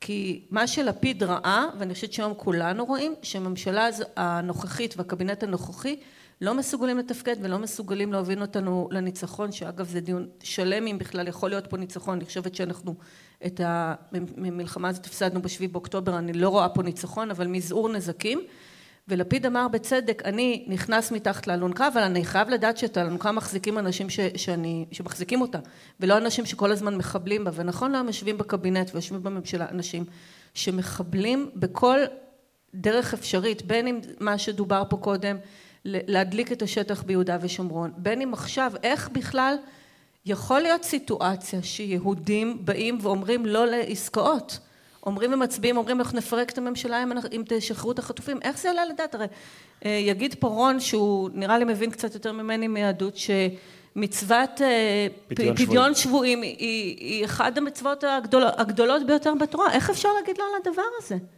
ו, ו, וזה מה שבעצם לפיד ראה מלכתחילה וכנראה גנץ, אה, גנץ האמין יותר ממה שלפיד האמין ש, שלאור המצב ולאור הסיטואציה ביבי יתנהל אחרת, יתנהג אחרת, ישים את ישראל בראש ואנחנו רואים שוב, שוב ושוב שהבן אדם הזה לא רואה את טובת המדינה, לא רואה את טובת חיילינו, רואה את טובתו והישרדותו הפוליטית ו...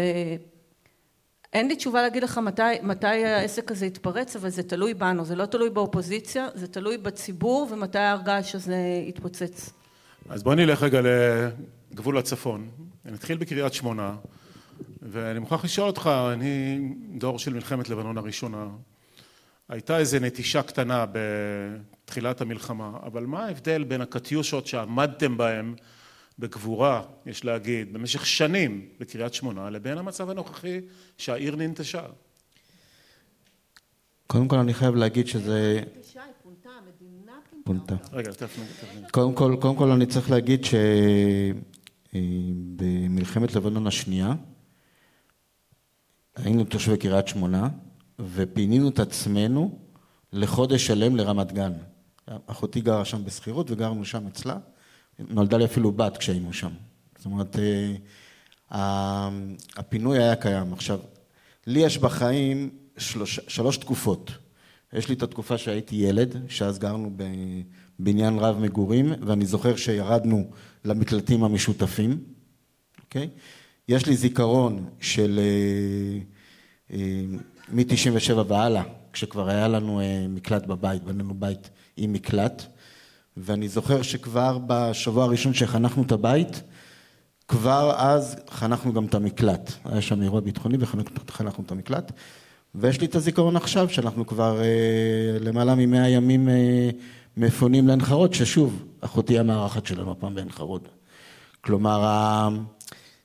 ובאמת, מבחינתנו, אה, החלטת הממשלה כן לפנות או לא לפנות היא לא פקטור.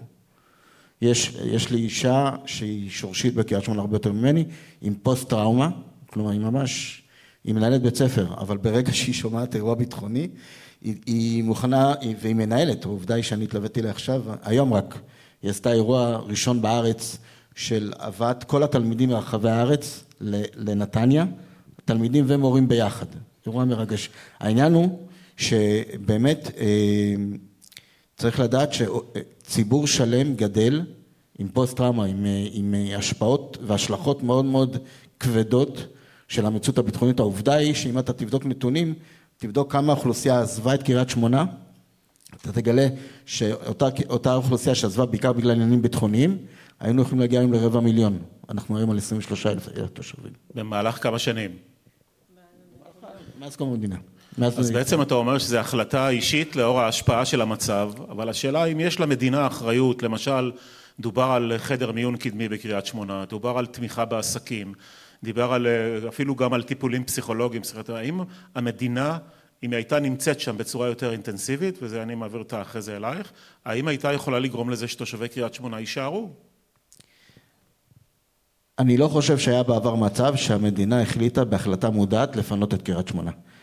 אתה יכול לראות היום תושבים שאם לא היה החלטה מודעת של המדינה לפנות, הם לא היו מתפנים.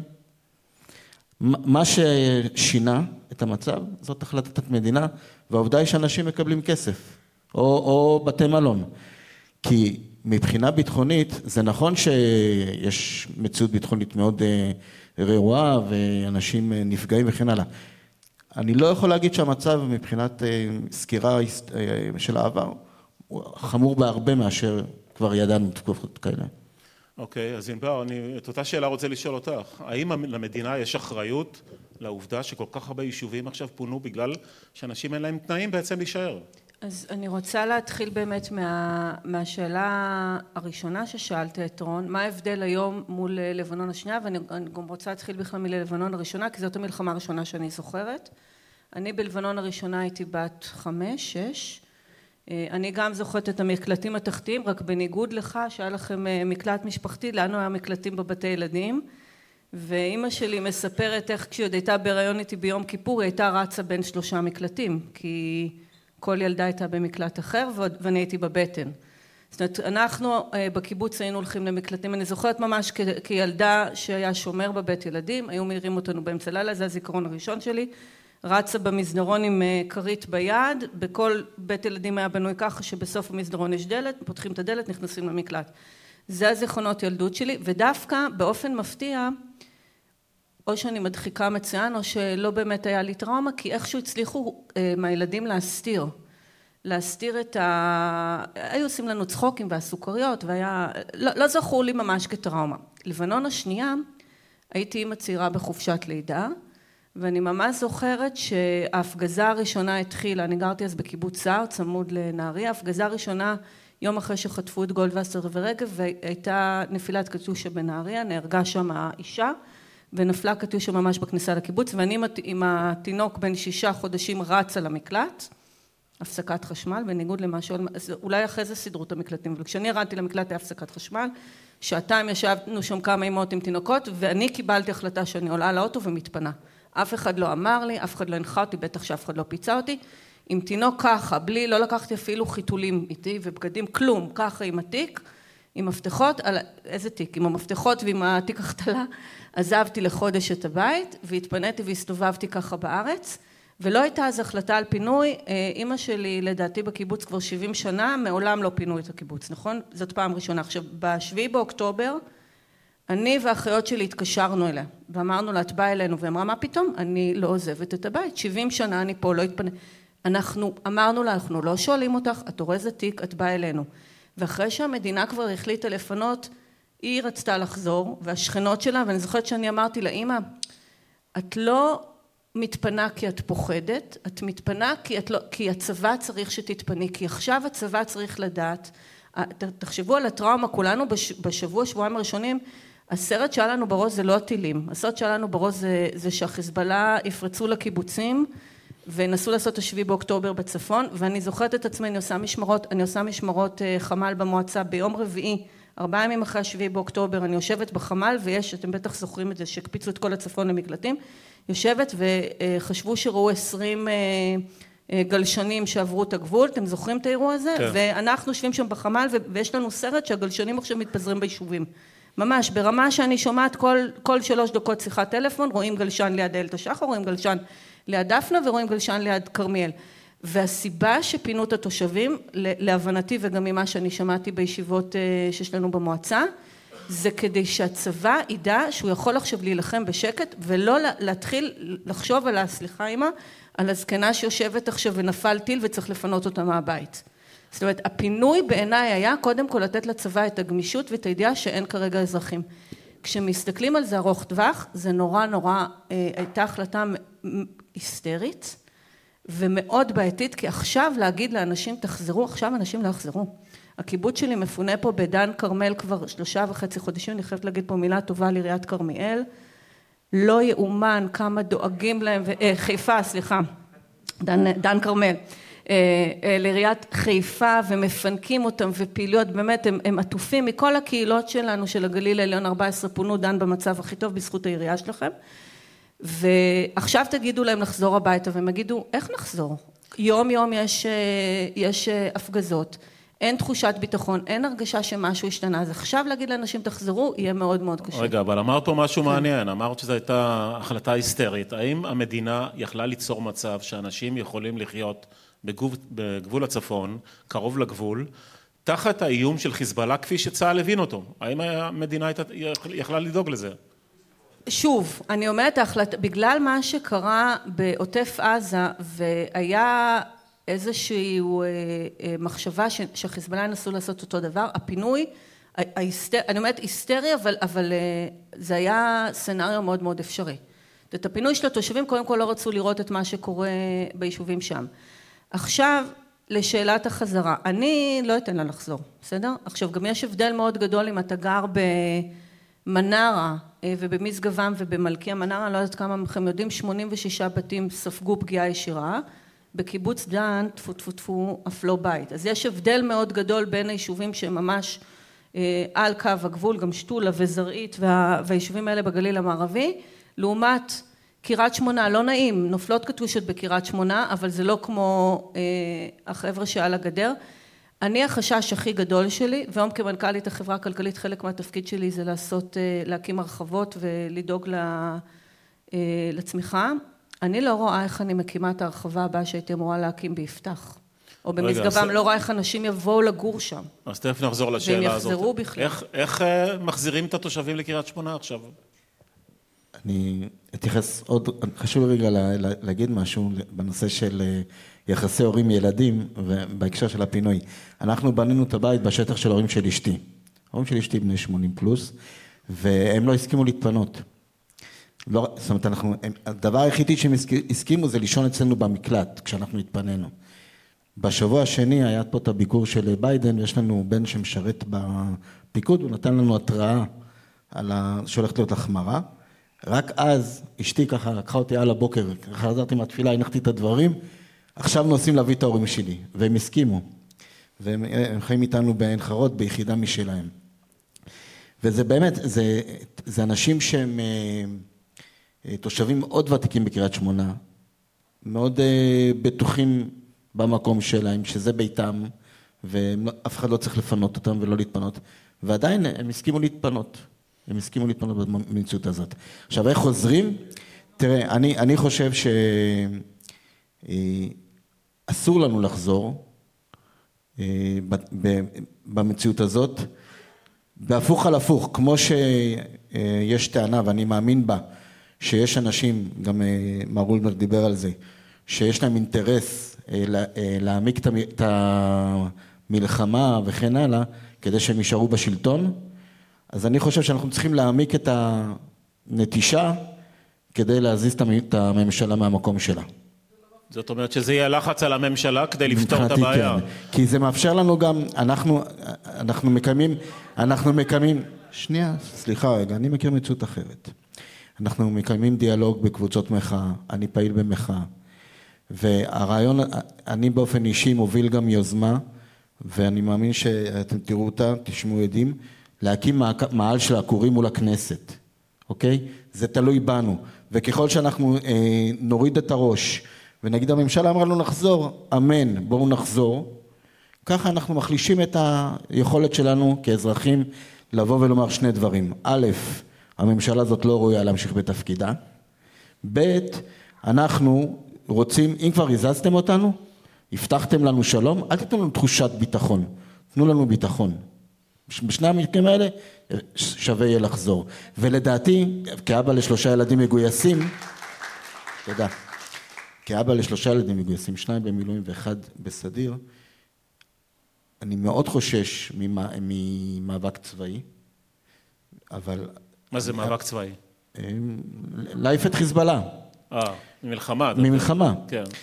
אבל אני לא, לא רואה מציאות אחרת של באמת להבטיח לנו את הביטחון ולא תחושת הביטחון, אלא ממהלך צבאי אה, בדרום לבנון. אז איך את מציעה שיחזיר את התושבים ליישובים? אז יש ארבעה דברים שצריכים לקרות כדי שהתושבים יוכלו לחזור, והראשון זה להבטיח, לבטל את האיום של ירי תלול מסלול. זה ברור שכל עוד אה, אנשים, כמו מה שקרה שבוע שעבר בכפר יובל, אנשים יושבים בבית שלהם, אוכלים צהריים, חוטפים טיל לבית, אנשים לא יוכלו לחזור. הדבר השני זה הנושא של אה, חדירות. זאת אומרת, אלה שני איומים שצריכים להיעלם מהמפה. איך ה-1701 להבטיח שהחיזבאללה יהיה מעבר לליטני, ודבר שני שכבר מדברים עליו זה שיהיו אה, פריסה של יחידות צבאיות, כמו אגב שאני זוכרת את עצמי כילדה בשנות התשעים, בכל יישוב היה יחידה צבאית ששמרה, כבר מדברים איתנו על זה, זה, זה כבר משהו שהצבא נערך אליו, אה, כן, חט, חטיבות, אני לא יודעת אפילו אם זה מילואים או סדיר, אבל בכל יישוב יחידה של, אה, כן, שמגנה על היישובים. הדבר השלישי זה נושא של צמצום פערים במיגון, אנחנו מדברים היום על זה שחמישים אחוז מהבתים בגבול, אני מדברת לכם על, על יישובי קו עימות, לא על גבול הצפון, יישובים שמוגדרים קו עימות עד, עד אה, חמישה קילומטר, או שבעה נדמה לי זה קו עימות, אה, חמישים אחוז אין להם אה, ממ"דים, ורק במועצה שלי בגליל עליון 120 גני ילדים אפס ממ"דים בגני ילדים, אז זה משהו שחייב להיות, ובעיניי מעבר לזה שדיברנו פה מספיק על כמה הממשלה הזאת כושלת והטעות של השביעי באוקטובר, אוקיי טעות ויחקרו, חוסר התפקוד מהשביעי באוקטובר הוא פשוט טירוף, כי כשאני אומרת לכם להחזיר את התושבים צריך ממ"דים אף אחד אפילו לא, לא מתכנן את זה, לא תקצב את זה. אבל איפה הממ"דים האלה? היום צריך להקים את הממ"דים האלה. איפה הנושא הזה היה במשך שנים? אז יש... על מלחמת לבנון ראשונה, אז תקשיבו, מלחמת לבנון שנייה, 18 שנה צה"ל בלבנון. אז רגע, אז 2019 אושרו 15 מיליארד שקל תוכנית מיגון הצפון, מ-2019 עד היום, מימשו מתוכם חצי מיליון. למה? לא יודעת. לא, אני לא הייתי אז בממשלה. דווקא כשאנחנו היינו בקואליציה כן יישמו את הכסף, אבל 15 מיליארד שכבר דובר ב-2019, על בדיוק על זה, על, ממ, על ממ"דים, אה, קודם כל למבני ציבור, לגני ילדים, לבתי ספר, אחר כך לבתים פרטיים. היום אם אני, אם אני רוצה לבנות לאמא שלי ממ"ד 180 אלף שקל, תראו לי כמה תושבים בגבול הצפון יכולים להרשות לעצמם את הדבר הזה. המדינה צריכה לסבסד רגע, והדבר הרביעי, כי אמרתי שלושה, הדבר הרביעי זה השקעות מסיביות בנושא הכלכלה למעסקים מרוסקים. היה סקר לפני, אתמול נדמה לי, שרובי של פרסם, שמכללת תל חי והאשכול הוציאו, שתשעים אחוז מהעסקים אמרו שהם נפגעו פגיעה מעל חמישים אחוז. אני מדברת איתכם על עסקים שגם אם יהיה ביטחון שזה הבסיס כדי לחזור, צריך גם פרנסה. וכרגע הפרנסה של הגליל וכל נושא הכלכלה של הגליל הולכת עכשיו אחורה 17 שנה. אנחנו לוקחים את כל ההצלחות, מה שאולמרט, אולמרט אמר דבר מאוד נכון, שהיה 17 שנה של שקט, היה שגשוג, היה פריחה, הפכנו את האזור לאחד המובילים, בטח בארץ, אבל כבר זה התחיל להיות לזה שם עולמי בתחום הפודטק, הכל הלך אחורה, עשרות חברות הייטק בארבעה חודשים האחרונים כבר עברו מהגליל ועברו למרכז, ואתם יודעים למה? כי ממשלת ישראל נותנת להם בונוס, בונוסים ומענקים שיעברו למרכז. נותנים להם עכשיו כסף שילכו למרכז, הם לא יחזרו. זאת אומרת, ואנשי הצפון פוטרו? הם, אה, מי ש, בעיקר חברות, מי, ש, מי שעד היום סגר, מה שראינו עד היום נסגר זה בעיקר חברות הייטק, כאלה שכל מה שיש להם זה מחשבים ומשרדים. החשש הגדול שלנו עכשיו שהתחילו מפעלים, בעיקר מפעלים בינלאומיים שיש להם בעלים בינלאומיים, יתחילו לסגור. כי אתם יודעים מה זה למפעל שחצי מהעובדים שלו עכשיו מפונים והוא לא יכול לספק הזמנות, ולקוחות שלו בחו"ל, הם לא, אין להם סנטימנטים אלינו, אז uh, כרגע הנושא של הייטק ותיירות בכלל, שבקריסה טוטאלית ועסקים קטנים, הפחד שלנו שהשלב הבא זה יהיה גם מפעלים, ואז התושבים לא יחזרו כי פשוט לא יהיה להם איפה כן, לעבוד. עבודה. רון, אני מוכרח לשאול אותך על איזה עניין שהוא גם, הייתי אומר, חברתי-פוליטי. אני זוכר את הכתבה המפורסמת הזאת על החדר מיגון, חדר טיפול קדמי, חדר מיון קדמי, כן. שקמה אישה אמיצה ואמרה לראש הממשלה נתניהו, איפה החדר מיון? ואחרי חודשיים... ואחרי חודשיים היא הפכה להיות התומכת שלו. כן.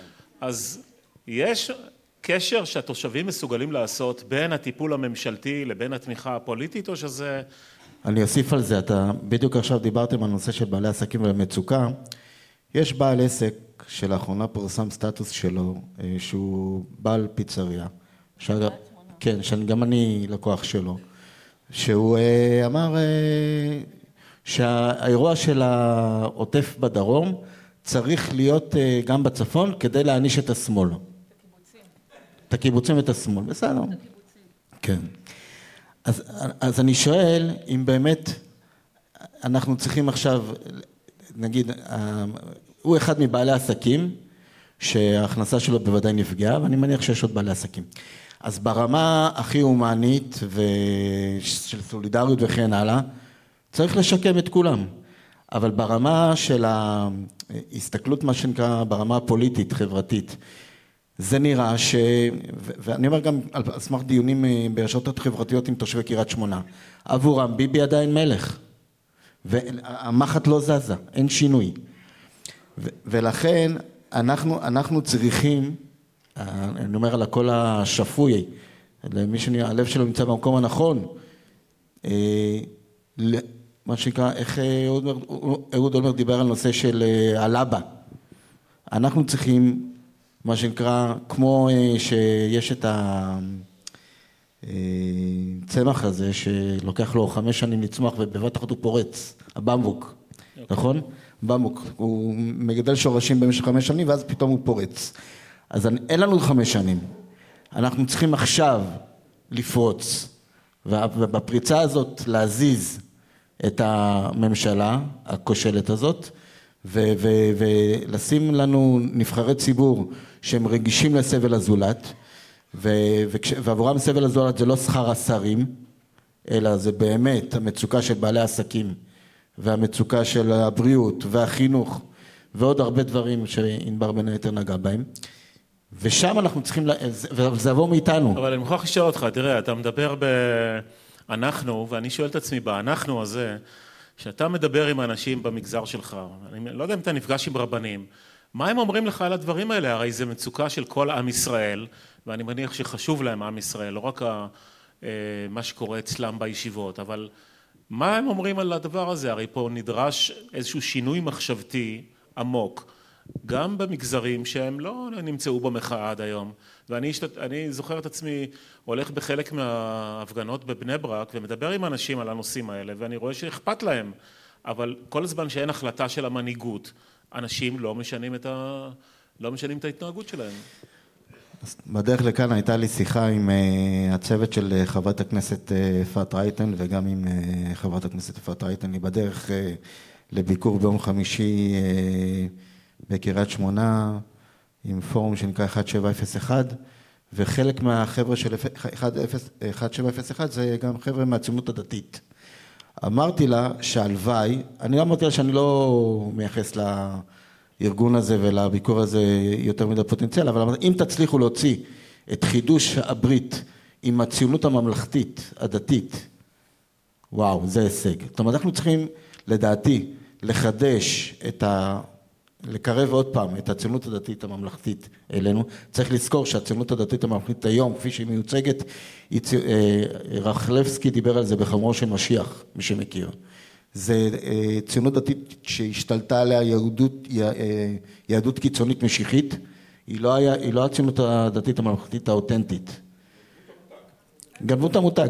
עכשיו, צריך להבין, יש לי בן שעושה מילואים, אבל הוא גם נשוי לנכדה של ראש ישיבת מעלות, הרב יהושע וצמן, שהוא המחליף של הרב דרוקמן, זאת אומרת דמות מאוד משפיעה. ו, וכשאני, יוצא לפעמים אה, לזכות לדבר איתו ככה, ואני, ואני אומר, אלה אנשים שצריכים לחזור ולעשות איתם ברית, ודרך הברית הזאת לחזור בעצם ושרבנים ישפיעו על הציבור שלהם לעשות את ההחלטות הנכונות. ענבר, אז אני חוזר איתך לעניין של ההרכב האנושי. תראי, יש הרבה ביקורת בדמוקרטיה על מפלגות שבהן הרבנים בוחרים את החברי כנסת, או שביש עתיד בן אדם אחד בוחר את הנציגים. עכשיו, אנחנו הגענו במלחמה הזאת למצב שארגוני מתנדבים, אחים לנשק ואחרים, בעצם מנהלים את המדינה. ראינו את קריסת הממשלה וראינו את הניהול של המדינה בידי המון מאוד ארגוני התנדבים. איך משנים את הדמוקרטיה כך שהאנשים הטובים יגיעו לשלטון? קודם כל, איכשהו כל פעם אתה שואל אותו שאלה שנורא מעניינת, אני כבר חושבת על תשובה, ואז אתה שואל אותי שאלה אחרת. אז אני רוצה בכל זאת... תפקיד שלי לעשות להם את זה מעניין. כן, אני רוצה, לא, בסדר. אה, אני רוצה להגיד משהו שחשבתי שהוא דיבר, ואז אם אני אשכח לענות לך, אני לא מתחמקת מהשאלה, אני פשוט חשוב לי אוקיי. זה. קודם כל, אמ, חכם מאוד מי שעשה את החיבור הזה, זה נורא מצא חן בעיניי שאנחנו יושבים פה שנינו רון ואני, ולכאורה אנחנו הכי שונים בעולם, בן אדם חרדי, יושבת פה קיבוצניקית מהשומר הצעיר, אגב גילוי נאות, אבא שלי בא מבית חרדי אז אנחנו לא, לא לגמרי מנותקת מהעולם, מהעולם, ותראו כמה משותף יש לנו וכמה האינטרסים שלנו והצרכים שלנו דומים, אנחנו שנינו עם אותם זיכרונות ילדות ושנינו רוצים שהכלכלה ושהצפון, זאת אומרת בסוף שנינו רוצים את אותו דבר. ואז מה קורה? אז באים המנהיגים שדואגים לסכסך בינינו. וזה קשור לשאלת המנהיגות שלך, בסוף אנחנו, כל מי שיושב פה בחדר יש לו אחריות לבחור את המנהיגים המאחדים והמחברים ולא את המנהיגים המסכסכים. ואני אתן לכם דוגמה קטנה של משהו ש, שאני גיליתי אותו בשבוע האחרון ובאמת הקפיץ לי את כל הפיוזים, אנחנו עושים מאמצים נורא נורא גדולים, החברה האזרחית, בתוך האזור שלנו, לייצר עכשיו באמת את ה-17, את ה-1701, זה איזושהי מנהיגות מקומית שהיא א-פוליטית ויש שם ציונות דתית ויש שם חרדים ויש שם קריית שמונה וקיבוצים וכולם עכשיו ביחד כדי לבוא באמת למטרה המשותפת של להחזיר את הביטחון ואת הכלכלה. ואז אני שומעת ש... אחד הדברים שאנחנו עובדים עליהם כבר המון המון זמן בגליל באשכול שלנו זה הנושא של אוניברסיטה וכמה היה חשוב לנו ואני כחברת כנסת באו אליי באמת מכל המכללות בעכו שם בגליל מערבי ומאוהלו וכולם ואני כל הזמן אומרת להם חברים אוניברסיטה בגליל תקום רק בתל חי זה המקום זה מה שהאזור צריך וזה היה מין חלום כזה שהאזור חלם המון זמן ובאמת לפני כמה שבועות שר החינוך קיש הכריז תקום אוניברסיטה בגליל, אוניברסיטת קריית שמונה, אמרתי איזה יופי סוף סוף הממשלה הזאת עושה משהו נכון. ואז השבוע מה גיליתי? שראש עיריית קריית שמונה וחי שטרן דרש וקיבל תנאי. האוניברסיטה תל חי, המכללת תל חי שיושבת היום על קרקעות של מועצה אזורית גליל עליון, התנאי להפוך אותו לאוניברסיטה זה להעביר אותה לשטחים של קריית שמונה. והנה לקחתם משהו, עכשיו ברור לכם שמה שכל האזור רצה וכל האזור דיבר ויכול להיות מקפצה כלכלית מטורפת לאזור, עכשיו יהיה מלחמות של שנים בוועדות גבולות. והנה אביחי שטרן יזכה בבחירות כי הוא דפק את הקיבוצים ו, ורק על, ועכשיו ראש, גם אצלנו יהיה בחירות, ראש המועצה, ראשי המועצה שלנו כולם יבטיחו לבוחרים שלהם אנחנו לא יקום ולא יהיה ולא ייקחו לנו את הקרקעות ותראו במקום לקחת משהו אזורי שיכול להפריח את האזור, שוב אנחנו נכנסים למלחמה הזאת. ובסוף הטעות שלנו, ושוב זו טעות שלנו, שזה המנהיגים שאנחנו בוחרים. כשאנחנו הולכים לקלפי, בסוף זה המנהיגים שאנחנו בוחרים. ואתה יכול להגיד, זה יכול להיות ממשלה, אה, מפלגה אה, בלי דמוקרטיה שבן אדם אחד מחליט, וזה יכול להיות המפלגה הכי דמוקרטית הליכוד. וואלה, מסתכלת על רשימה של יש עתיד, על רשימה של הליכוד, אולי דמוקרטיה זה לא השיטה הכי טובה לבחור את נבחרי הציבור שלנו. כי מסתכלת על, על ההון האנושי. אבל בסוף, אני אומרת, זה בסוף כל אחד ואחת מאיתנו, כשהם יבואו ויבחרו, וגם לכם יש אותו בחירות לראשות עיר, אגב לפנינו, כי הבחירות שלנו נדחו, לאלוהים יודע מתי, כרגע הבחירות ברשויות המפונות אין להם תאריך. כשאתם באים לבחור בראש עיר או במפלגה הבאה, תבחרו במי שמדבר שיח של אחדות. והשיח הפוליטי, ולכן הגענו לממשלה הזאת, היא ממשלה כל כך גרועה, שבסוף כשאנחנו מסתכלים זה קיצונים, קיצונים, קיצונים, קיצונים. אה, ליברמן, אני אקח את החרדים במריצות, החרדים אנחנו דואגים, ניקח את הכסף למגזר שלנו, הציונות הדתית שאי אפשר לקרוא להם ככה, הם גנבו את המותג עם הקיצוניות שלהם ובסוף אנחנו רואים שם אנשים שכל אחד עסוק באיך לשפוך רפש על הצד השני שכמובן מעל כולם ה master, big master ביבי נתניהו שהוא באמת עשה דוקטורט פרופסורה בלהכפיש את כל מי, את, את כל מי שהוא לא אנחנו ו, ושם בעיניי יהיה השינוי שאנחנו נדע והלוואי הלוואי ומתוך המחאה תצמח מנהיגות חדשה ותצמח מפלגה חדשה ושיבואו באמת אנשים שאכפת להם לבנות. כי מה שכרגע נראה לי שאני מרגישה שיש פה ממשלה שאנשים באו להרוס. אוקיי אנחנו מסיימים? שאלות? אני רק חייב להגיד כן שענבר דיברה על הדומה בינינו, ואני קצת עשיתי שיעורי בית, הדומה בינינו הרבה יותר עמוק. קודם כל, לא, אבל אתה, אתה היית צנית מצטיינת ב-1500 מטר? אני הייתי שני בשכבה ב-2000 מטר. את היית, מד"גית בנחל? אני הייתי בן גרעין נחל ושירתתי בנחל. כן. את, את היית חברת כנסת, אני הייתי יועץ פוליטי של חברת כנסת. יש עוד דברים, היית, הקמת את ארגון העצמאים, אז אני הייתי פעיל ב-B&I, הייתי בתפקידי מנהיגות ב-B&I, וכן הלאה, אני יכול להוסיף עוד. אבל מה שחשוב לי להגיד, זה שיש בכל זאת דבר, משהו שאני חייב, שנצא מפה עם הסכמה על זה, סימנתי לעצמי כמטרה, איתך, שאנחנו... אז זהו, אז, אז, אז, אז אני רוצה שנסכים. אנחנו חייבים לדבוק בדמוקרטיה. ולדבוק בזה בכל הרמה. יכול להיות שנגעת בזה עכשיו במשפטים האחרונים שלך, אבל לפי ה... כאילו עשייה עד היום, לא, זה, עשית דברים אחרים. אני, אני פעיל היום במפלגת העבודה, אני חושב, אני לא אומר שמפלגת העבודה צריכה להוביל את המחנה היום, אבל צריך לייצר מחנה ממלכתי, ציוני, מרכז, שמאל, שמבוסס על דמוקרטיה. אני רוצה לראות את uh, בני גנץ, את אייזנקוט, את מיכאל ביטון, את אפרת uh, רייטן, את נעמה לזימי, מתמודדים על המקום שלהם, ורק ככה הופכים להיות הנציגים שלנו בכנסת, לא בדרך אחרת. וגם יאיר לפיד.